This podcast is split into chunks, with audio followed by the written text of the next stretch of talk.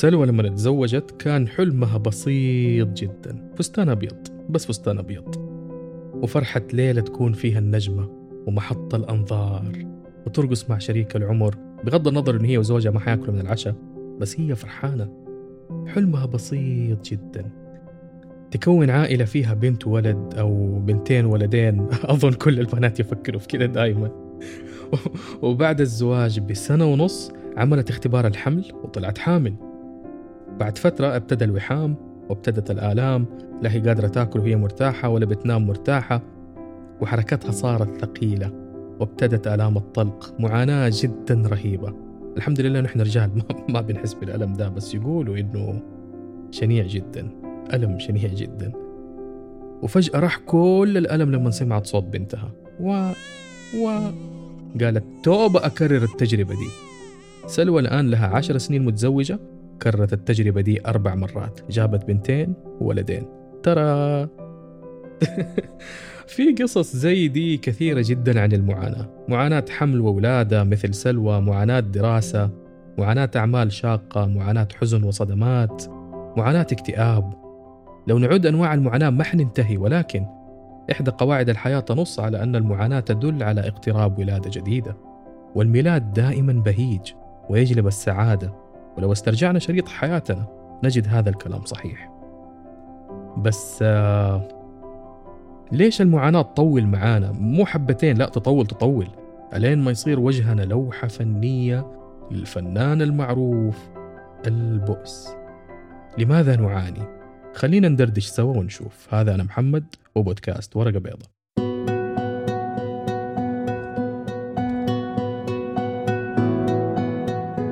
معاناة الكلمة لحالها مزعجة وبتعمل لنا فلاش باك على أحداث صارت أو بنعيشها. فقد حبيب فشل مصيبة صارت اكتئاب وضع معيشي صعب إلى الآن مش راضي يتحسن أو حتى ظفرك يا هانم لما انكسر وانت في حفلة زواج. المعاناة جزء من تجربة الحياة سواء عجبنا ولا ما عجبنا سواء متقبلين أو مقاومين أو هاربين أو مستسلمين. ردة الفعل الفسيولوجية الطبيعية للبشر تجاه المعاناة هي الهروب منها ومحاولة تفاديها قدر الإمكان. على العكس من طبيعة المعاناة تظل تطارد الهارب حتى يواجهها. أمر الحياة غريب جدا. المعاناة هذا الزائر الثقيل الرخم مهمة إعادة ترتيب الأثاث والكراسي والمقاعد والمفارش في البيت اللي يدخل فيه. وهذا يعني تغيير أشياء وتكسير أشياء قديمة وإثارة الكثير من الغبار. خلينا نعرف أول ما هي المعاناة. هي خوض تجربة شعور سيء أو غير محبب نتيجة حدث حصل وسبب لنا معاناة جسدية أو معاناة نفسية. أعتقد كل شخص بيسمعني الآن بيفتكر قائمة من الأحداث اللي حصلت له وسببت له معاناة. إذا لكي تحصل المعاناة لابد من وجود عناصر لابد من وجود حدث وشعور معين وفكرة ثم استجابة. الحدث قد يكون صدمة إحباط عدم حصول التوقعات.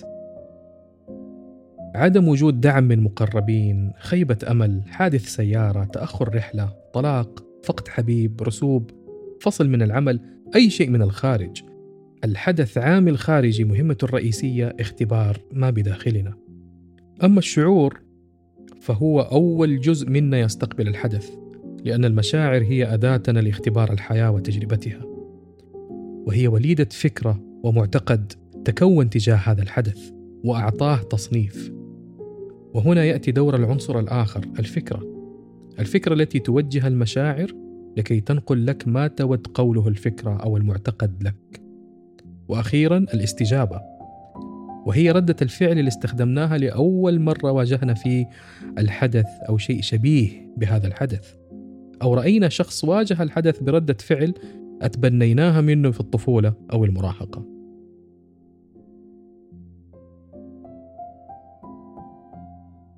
ما هي أهمية المعاناة في تجربتنا الإنسانية؟ الحقيقة هي أن المعاناة جزء لا مفر منه في الحياة. من الشيخوخة والموت إلى الحسرة وخيبة الأمل، إنكار هذا الجزء من الحياة معناه أنك أنت في ال bye bye. هو موجود ولا يمكن رفضه أو إنكاره. والتعامل معه بإيجابية مبالغة قد يدل على التظاهر بتجاهله لأن الألم منه لا يزال موجود في الداخل. فكر معايا شوية. ما الفائدة من تجربتنا الأرضية لو لم نختبر فيها النور ونختبر فيها الظلام؟ نختبر فيها الظلم كما نختبر العدالة. نختبر فيها الألم كما نختبر التشافي. نختبر فيها الحضيض كما نختبر فيها لحظات المجد والإنجاز. لما يجيك سي في أو سيرة ذاتية لشخصين شخص درس مجال معين وبشكل مفصل ودقيق وشخص اختبر هذا المجال على أرض الواقع من ستختار؟ هل ستختار المجرب أم الطبيب؟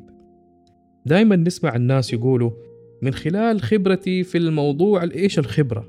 الخبرة هي الخوازيق أقصد بالخوازيق التحديات اللي يواجهوها البشر وتجعلهم يعانوا لكي يجدوا الحل وعند كل شخص حلول من خلال الحكمة اللي تراكمت على مر السنين.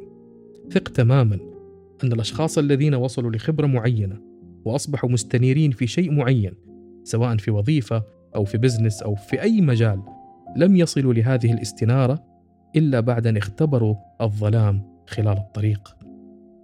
كل من يعلمنا الحكمة ويعلمنا كيف نعيش ويعلمنا السلام الداخلي مر بحرب داخلية. لولا الحرب لما كان هناك حاجة للسلام. ورقة بيضة ترى كان قبله ورقة سوداء. إذا لماذا كل هذه المعاناة؟ لو عرفنا حقيقة هذه الحياة والحكمة منها لتقبلنا وجود المعاناة كجزء منها. هذه التجربة الحياتية تبدأ وتنتهي وليست نعيم مقيم وأبدي. اسمها تجربة لكي نرى الحقيقة من كلا الجانبين جانب النور وجانب الظلام. لكي نكون رحماء مع من يمر في الظلام خلفنا. بعد أن تجاوزناه. عدم تقبل المعاناة والهروب منها وعدم تحمل مسؤولية انتقالك إلى النور والتطور يعتبر رفض لتجربة الحياة بشكل أعمق. كأنك تفضل تقرأ عن الحياة بشكل أكاديمي دون النزول لأرض التطبيق. وهنا أنت تقرر الانفصال عن هذه التجربة. هل هذا يعني إنك الآن في أمان من المعاناة؟ لا. في حكمة قديمة تقول الجدار الذي يحميك من خيبة الأمل هو نفسه الذي يفصلك عن السعادة. هذا الرفض سيمنعك من فهم رسالة المعاناة في حياتك. وإذا لم تفهم الرسالة ستبقى في نفس المكان متعلق وخائب الظن وتشعر بشعور الضحية المستسلم لأنك اخترت أن لا تدخل في عمق التجربة وتفهم. متى ما تقبلت وجود المعاناة كجزء من الحياة فتحت الأبواب لكي تجد النور وسط الظلام. ومن هنا يبدأ النضوج الفعلي للإنسان ويرى المعنى من وجوده وحياته. لذلك أهمية المعاناة جزء مهم في معرفة أنفسنا. لأننا حينما نعاني فنحن نعاني بسبب شيء ما. لماذا نعاني؟ عندي لك خبرين الخبر السيء والخبر السار. الخبر السيء نحن من نصنع معاناتنا. والخبر السار نحن من نصنع معاناتنا. يمكن نلاحظ أن المعاناة تختلف من شخص لآخر. آه عند فقد قريب على سبيل المثال نلاقي ناس يدخلوا مستشفى من الصدمة ونلاقي ناس يبكوا مرة أو مرتين وخلاص. أحيانا نصف الناس ما نمر فيه من ألم بالشيء الهين اللي ما يستحق كل هذا الألم. وأحيانا يستغرب الناس إننا هادين وممتلكين أعصابنا بشكل كبير. لقد عانى كل شخص بالطبع من الألم والخسارة والمعاناة، ولكن بطرق مختلفة وبدرجات متفاوتة. اختلاف الطرق أو الدرجات هي ما يهم. على سبيل المثال، الشخص اللي فقد حيوان أليف حيحزن، ولكن أقل من شخص فقد أحد من الوالدين. قد يكون الأول قادر على تقديم بعض التعاطف والدعم للثاني، لكن ما حيقدر يفهم حجم الخسارة اللي بيعاني منها هذا الشخص. التجربتان مختلفتان من الناحية الكمية. كل شخص يضيف معنى خاص فيه لكل حدث من أحداث الحياة ومن ضمنها المعاناة. في حقيقة الحياة لا يوجد ما يسمى بتجربة جيدة أو تجربة سيئة. هناك فقط معنى وحكم من الشخص تجاه هذه التجارب. ولكل شخص تجربته الحياتية الخاصة والدروس اللي يتعلمها منها في هذه الحياة. القدماء الشرقيين كانوا يسموها بالكارما، أي أن لكل شخص كارما في الحياة أتى لكي يضع لها حلا ويستمر في الطريق للتنور. في تراثنا الإسلامي والمشترك مع بقية الديانات الإبراهيمية، نسميها الابتلاء أو الاختبار اللي نجتازه لكي تكون الحياة الآخرة أفضل وأعظم بالصبر والتسليم لحكمة الخالق والتخلي عن كل هذه التعلقات التي تفصل الإنسان عن التجربة العميقة للحياة. حينما نضيف المعنى للحدث ونسميه معاناة فهو انعكاس شيء بداخلنا وهذا الداخل مسكون بالتعلق والتوقعات والنتائج اللي نرغبها ولكن الخارج لم يتوافق مع هذا الداخل لذلك نحن من نصنع معاناتنا أنا متفهم أنه ليس من العدل أني أرمي كل المسؤولية على نفسي وأتكلم بإيجابية ومنطق خالي من الرحمة وإننا نصنع معاناتنا بالكامل. إحنا ما عندنا كنترول على مجريات الحياة والمعاناة تظل معاناة سواء أعطيناها حجم أكبر أو أصغر من حجمها الحقيقي. ولكن لو لاحظنا بهدوء المعاناة تأتي بعد الحدث تأتي بعد تفكير ونقاش داخلي بين القيم والمعتقدات وتجارب الماضي. مجرد لحظات بعد الحدث. وهنا نحن نختار أن نقع ضحية للمعاناة أو نستسلم لبعض الوقت رحمة بضعفنا البشري. وبعدين نكمل الحياة بشكل أفضل. لأننا نحتاج أن نسأل نفسنا عن إجابات لبعض الحقيقة المرة. يمكن عندنا دور نلعبه في هذه المغامرة العظيمة اللي اسمها حياة. لأننا بصفتنا مبتكرين ومشاركين في هذه المغامرة. ولا يجب أن نكون ضحايا. إحنا يمكن ما أخترنا طريقة تربيتنا ونشأتنا ولكن في داخلنا تكمن قوة الاختيار لنهاية حياتنا. لا يمكن أن نكون مبدعين حقيقيين لمصيرنا إلا إذا توقفنا عن المعاناة والشعور بالضحية. نحن لا نستطيع إيقاف المعاناة ولكننا نستطيع أن نصنع نسخة أقوى مننا لمواجهة القادم. تلاقي مثلا بنت أبوها مات وعانت الكثير. وأخذت أدوية لتنسى الصدمة وتظل تخاف من الحقيقة القادمة وفاة أمها. وتتخيل فظاعة الأمر لو حصل. ستستمر المعاناة وحتستمر في العيش في معاناة لسه ما جات ولكن بالتقبل وفهم الرسالة من المعاناة سيكون وقع المعاناة بعد ذلك أخف. وهذا هو النضج. لأننا حينما نعاني مثل ما قلت أول يكون هذا بسبب التعلق ورفض الواقع وخلق توقعات مثالية غير واقعية. بصفتي شخص محسوب من آه، ضمن مدرسة الوعي تزعجني جدا مواضيع فك التعلق والتحرر المبالغ فيها اللي بيتكلم عنها بعض المحسوبين لهذه المدرسة بأسلوب متحمس وغير حقيقي. لأن التعلق صفة حتمية في النفس البشرية. وافتراض التوقعات أيضا وجود التعلق ووجود تخيل التوقعات هو ما دفع الجنس البشري ليبدع وينجز ويطور ويسمو ويرتقي في هذه الحياة. والعجيب في الأمر أن الألم والمعاناة يعتبر من أكبر الدوافع للتقدم في الحياة. أليست الحاجة أم الاختراع؟ في حالات الألم أحتاج أفهم سبب التعلق وسبب التوقعات ليس لإيجاد الحل ولكن عشان أفهم نفسي أكثر وأفهم دوافعها وأفهم ما يعيقها عن التقدم في الحياة ثم أسمح برحيل هذه الأشياء. أحتاج أفهم لماذا خلقت المعاناة في حياتي. إيش اللي ناقصني؟ وإيش اللي يخليني أقوى؟ وإيش أحتاج أفهم من الحكمة وراء كل اللي حصل؟ والأهم من ده كله أحتاج أحدد بعدها إيش الألم اللي حختاره بوعي المرة القادمة. كيف؟ اختار الألم؟ يعني كيف اختار الألم؟ نعم. نحن نختار المعاناة دائما بشكل واعي وبشكل غير واعي. في كل قرار ناخذه يوجد جزء من السرور وجزء من الألم. أنا حينما أقرر الذهاب إلى وظيفة أفضل فأنا حأحصل على مال أكثر على مكانة أعلى على أشياء كنت أحلم أشتريها لكن في ضريبة. حاشتغل في بيئة جديدة. في شخصيات جديدة وعقليات جديدة ما أعرف كيف تفكر. في تحديات جديدة. في جهد حأبذله عشان أثبت قيمتي ونفسي. لما تقرري تتزوجي حتحصلي على استقرار حتحصلي على حرية وعلى شخص يشاركك الحياة لكن بالمقابل حتضحي بجزء من وقتك اللي كان لنفسك للمسؤوليات الجديدة للأطفال. الأطفال حيعطوك إحساس الأمومة لكن حتدفع الضريبة بالسهر والتربية والتعب. طيب خلاص ما بتزوج ولا بخلف أطفال. ممتاز. هذا القرار حيضمن حريتك. راحة بالك وإنه وقتك حيكون لك فقط. ولكن الضريبة حتكون الوحدة والعزلة وإحساس الحسرة كل ما شفت أطفال. إذا ما الألم والمعاناة اللي حختارها بكل وعي؟ لقد خلقنا الإنسان في كبد يظل في هذا الكبد لكي يعرف نفسه أكثر. وكلما اقترب من معرفة نفسه وإدراك دوافعه وحاول تزكية هذه النفس وتهذيبها وإنارتها بنور الحكمة والوعي كلما اقترب من فهم الحياة وفهم الخالق وفهم الحكمة وراء السبب من هذا الوجود.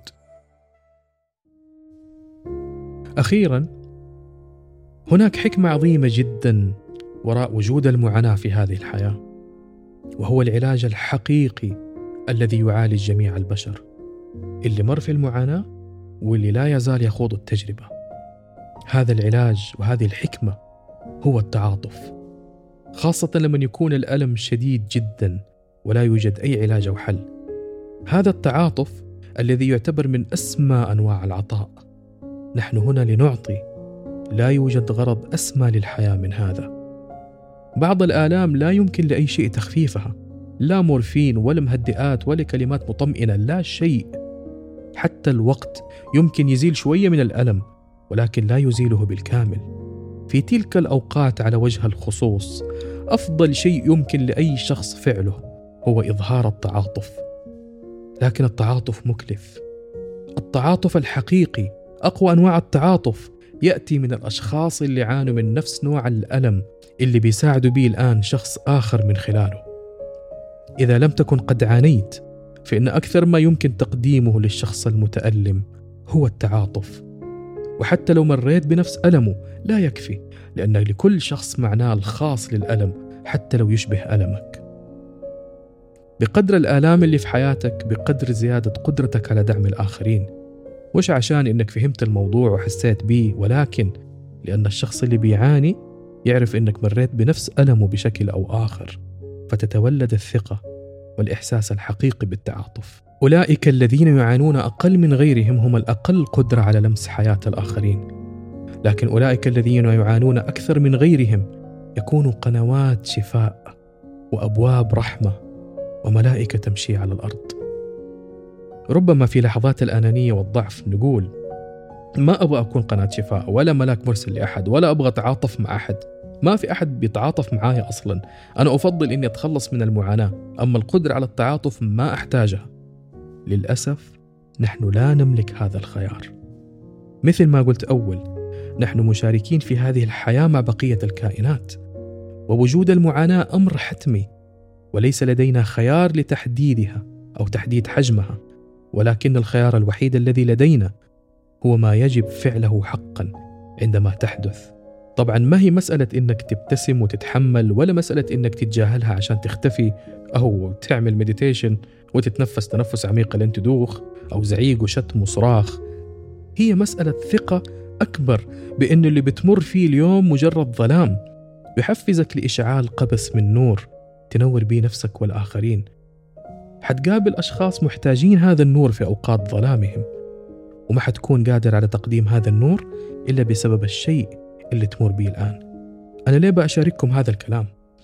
لأني لما أمر في معاناة أكتشف أنه تغيير المنظور يساعد على تخفيف الألم وأسمى منظور لهذا الشيء أني أنظر لكل ما أمر فيه أنه ليس عبثا. يمكن خلال الألم ما أقدر أشوف الغرض من هذا الأمر ولكن مؤمن أن هناك حكمة خفية ماني شايفها.